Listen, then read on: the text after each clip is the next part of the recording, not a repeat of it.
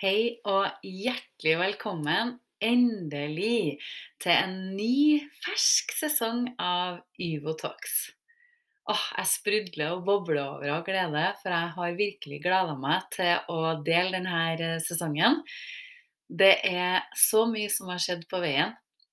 Vi kan ta en liten eh, recap faktisk av den forrige sesongen og litt hva som har skjedd.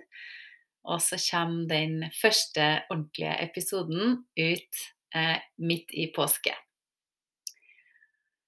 Det er jo sånn at siste episode som ble spilt inn i forrige sesong, det var i 2020. Bare tenk litt på det. Det er tre år siden det. Og siden den tid så har faktisk podkasten levd. Det har vært mange lyttere. Det har vært kommentarer på episoder som har vært spilt inn. Virkelig fantastisk altså, å få at det fortsatt noe som har skjedd for tre år siden, eh, og som ikke har egentlig fått noe vann. Så vi kan se for oss en sånn blomst som eh, trenger å få litt eh, næring. Jeg tenker at Yvotox er en, eh, en kaktus Den trenger ikke så masse vann for å, for å blomstre. Siden 2020 så har veldig mye skjedd i livet mitt. Jeg er fortsatt sammen med den eh, samme fantastiske mannen min. Jeg har eh, endra arbeidsplass. Jeg har eh, flytta bostedsadresse. Og vi har fått oss hund. Hun blir altså to år nå i sommer. Det er en husky-jente som er veldig, veldig snill, og som ungene er virkelig glad i. Det er jo litt om meg personlig. Jeg skal gifte meg i sommer. Og det er nå litt morsomt, eh, syns jeg. Eh, I hvert fall med tanke på at eh, jeg er så voksen som jeg er. Jeg tenker sånn her at man kan velge å se på det på mange måter. Man kan se på det sånn at noe er ikke bra, og noe er negativt. Og det er alltid noe som ikke tilfredsstiller noen. Og jeg har lyst til å bare ta en liten sånn pause akkurat der. For hvis du kjører biler din, eller er ute og går tur akkurat nå, så har jeg lyst til å minne deg på at det er en av-knapp på denne podkasten. Og hvis stemmen min og det jeg sier, ikke tiltaler deg eller provoserer deg på en måte som gjør at du det her funker ikke for deg, så syns jeg du skal slå av. For i denne podkasten handler det om eh, det handler om å se på forretningen din på en litt mer spirituell måte. Det handler om å se på privatlivet ditt på en litt spirituell måte. Eh, det handler kanskje om å se på ting som du ikke klarer å se, Eh, og åpne sinnet ditt for alt som ikke er bevist helt ennå.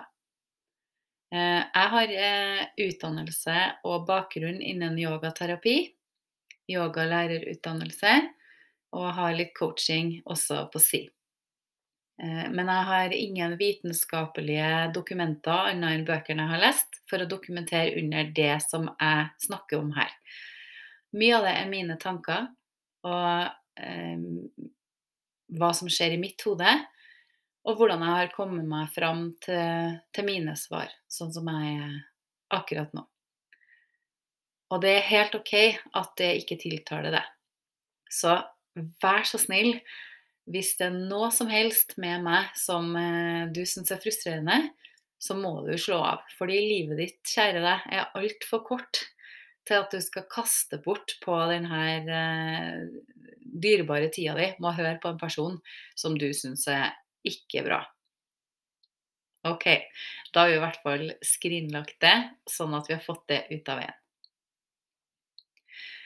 Ja, så hva skal vi da snakke om i denne podkastsesongen? Det har jeg litt lyst til å, å ramse opp, da. Eh, det blir mye eh, spirituelle ting. Eh, vi beveger oss inn, inn i yogaverdenen, inn i meditasjonsverden. Vi beveger oss inn i mindset, tankegang, eh, rutiner, programmeringer som er gjort i kroppen vår, i sinnet vårt, for å reagere på måter vi reagerer på. Vi skal snakke om forretning og forretningsutvikling. Vi skal snakke om kanskje litt om HR og ledelse, eh, men med en liten twist. Og så blir det selvfølgelig eh, samtaler med andre også. Mest av alt eh, tror jeg nok at det kommer til å komme en og annen samtale med min samboer, min forlovede. Også for hans bakgrunn innen det håndverket som han jobber med, som kan transformeres inn i den spirituelle verden også. Vi eh, har jo et firma sammen som har eh, ligget og sovet i noen år. Og det har nå fått eh, Det har liksom som en hestehov sprengt seg opp gjennom asfalten og vil gjerne opp og fram. Så nå har vi tømt litt vann på her og luka litt ugress, og så får vi se om det blir noen ting ut av det. Uansett så kan jeg også si at eh, nå må du holde fast på den tida vi har, eh, som har gått forbi, da, så har jeg gått på en, eh, et, et tarotkurs for å lære meg å lese tarotkort. Eh, og det egentlig gjorde jeg for min egen del bare. Jeg hadde aldri tenkt at jeg skulle bruke det til noen ting. Men eh, etter hvert som jeg ble kjent med den fantastiske gruppa som var med, og det må jeg bare få si I den gruppa så er det med flere gründere. Det er med altså forfattere, kunstnere. Altså, du aner ikke. Eh, du aner ikke. Tarot har blitt fantastisk stort. Eh, og jeg husker jo mitt aller første møte med det. Det var jo mamma, faktisk. Mammaen min var jo en veldig spirituell person. Og jeg tror nok egentlig ikke jeg visste at hun var så spirituell som hun faktisk var.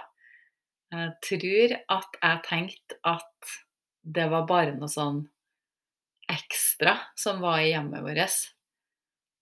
Men det er nok derifra jeg har fått det meste. Og det er jeg så stolt av. Jeg skulle bare ønska at eh, jeg kunne si det til henne live. Eh, men mammaen min hun døde for noen år siden. Eh, og jeg, jeg tror nok at for å si det sånn, hun forlot den fysiske kroppen sin, men jeg kjenner energien hennes her hele tida. Så jeg vet at hun er her, og jeg vet at hun ser det. Men tilbake til, Taro. Jeg har litt lyst til å rose den uh, gruppa og den, uh, det kurset som jeg gikk på. Uh, Ragna, som er læreren i det kurset Altså, jeg, jeg, er usikker til og med på hvordan jeg fant henne. Hvordan jeg klarte å spore henne opp. For, for et fantastisk menneske. For et raust og varmt vesen. Det må jeg virkelig si. Hun fortjener at hvis du har lyst til å, å ta noe som helst form for eh, taro, eller er nysgjerrig på, på ting som er enda mer utafor, så må du kontakte Ragna. Og hvis du lurer på hvordan du får tak i henne, så må du bare eh, sende meg en, eh, et eller annet, så skal jeg hjelpe deg med å sette deg i kontakt med henne. Eh, men det som jeg så for meg med eh, taro, var jo i utgangspunktet bare å, å lære meg sjøl å bruke det. For jeg hadde jo arva noe kort av mamma som jeg var usikker på om, hvordan jeg kunne bruke. Så ble jeg jo skremt for noen år tilbake av en eller annen person. Jeg husker ikke egentlig hvem det var engang heller. Men den personen sa du må kaste kortene dine, Johan. Fordi og du skal aldri bruke noen andre sine tarotkort. Det er kjempefarlig. Og jeg, jeg, husker jo at jeg syntes at de kortene var skumle. For det sto så mye skumle ting inni dem. Um, så jeg gjorde det.